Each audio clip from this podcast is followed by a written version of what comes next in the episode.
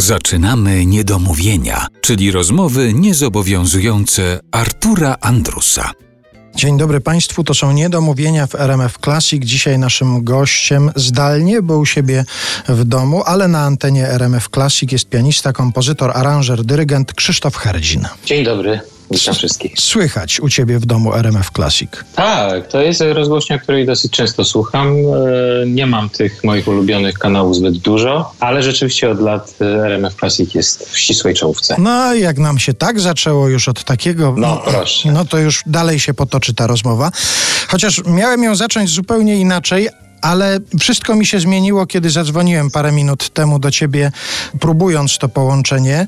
Czy ty możesz wyjaśnić, co to jest grawideceleracja?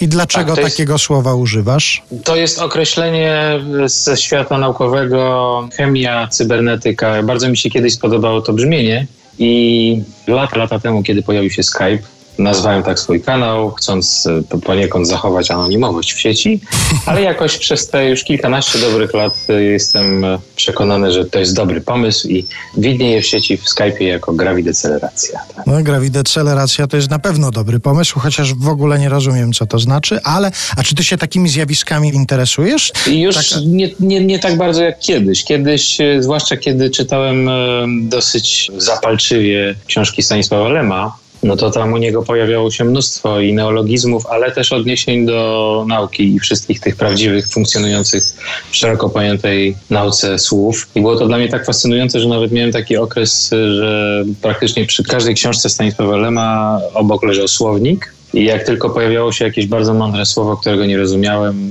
można było się domyśleć z kontekstu opowiadanej historii mniej więcej, czego te słowa dotyczą, ale zawsze wertowałem słownik, żeby dokładnie zorientować się, jakie jest znaczenie danego kompletnie niepolskiego i nie, nieobecnego w naszej potocznej polszczyźnie słowa. No dobrze, ale nie o takich zjawiskach, albo nie tylko o takich zjawiskach będziemy dzisiaj rozmawiać w niedomówieniach. Oczywiście będziemy rozmawiać o muzyce. Wyobraź sobie, chociaż ty sobie tego nie musisz wyobrażać, bo akurat masz doświadczenie radiowe, prowadziłeś, prowadzisz audycje radiowe, ale wyobraź sobie, że zaczyna się coś nowego, masz stworzyć jakąś nową audycję radiową i dzwonią do ciebie producenci i mówią, panie Krzysztofie, musimy mieć jakiś sygnał muzyczny, jakieś coś, co pan uważa za swoje logo muzyczne. Byłby jakiś utwór, który byś od razu podał, że to motyw z tego i tego utworu powinien być? No, szczerze mówiąc, potrzebowałbym trochę czasu. W moim dorobku jest bardzo dużo utworów przeze mnie skomponowanych. To jest raz, one idą w setki, a dwa, że te utwory no, przynależą do bardzo wielu gatunków, bo to też nie jest tajemnica, że od zawsze starałem się być wszechstronny i zajmuję się różnymi gatunkami muzyki. Jestem klasycznie wykształconym muzykiem, a przez wszystkie lata funkcjonuję i jako muzyk jazzowy, i jako muzyk klasyczny, kompozytor muzyki współczesnej i tak dalej, więc w tym moim dorobku są utwory i lekkie, i piosenki, i utwory jazzowe, i utwory takie no, współczesne, trudne do słuchania, mniej komunikatywne, więc musiałbym się naprawdę bardzo poważnie zastanowić, który z tych utworów byłby taką moją wizytówką, żeby w kilku, nie wiem, 20 sekundach czy w 30 sekundach, jak to zazwyczaj jingle radiowe powinny trwać, żeby ująć całą prawdę o mnie. No to jest, to jest wy- wyzwanie. No to może jeszcze kiedyś coś takiego ustalimy. Na razie zostawiamy tę kwestię otwartą, ale nawiązując do takich wątków sygnału, logo, ja chciałem poruszyć tutaj w tej naszej rozmowie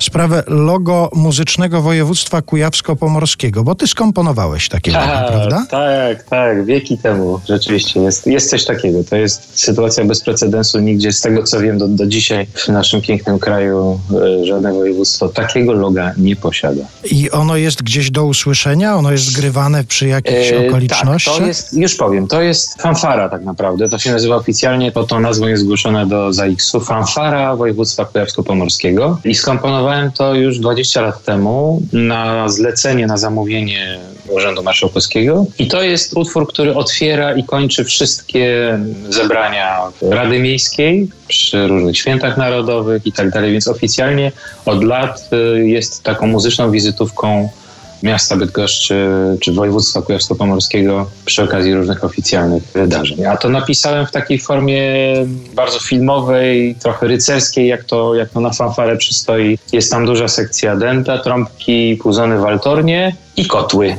To teraz ten utwór zabrzmi na naszej antenie, a do rozmowy z Krzysztofem Herdzinem i do innej jego muzyki za chwilę wracam.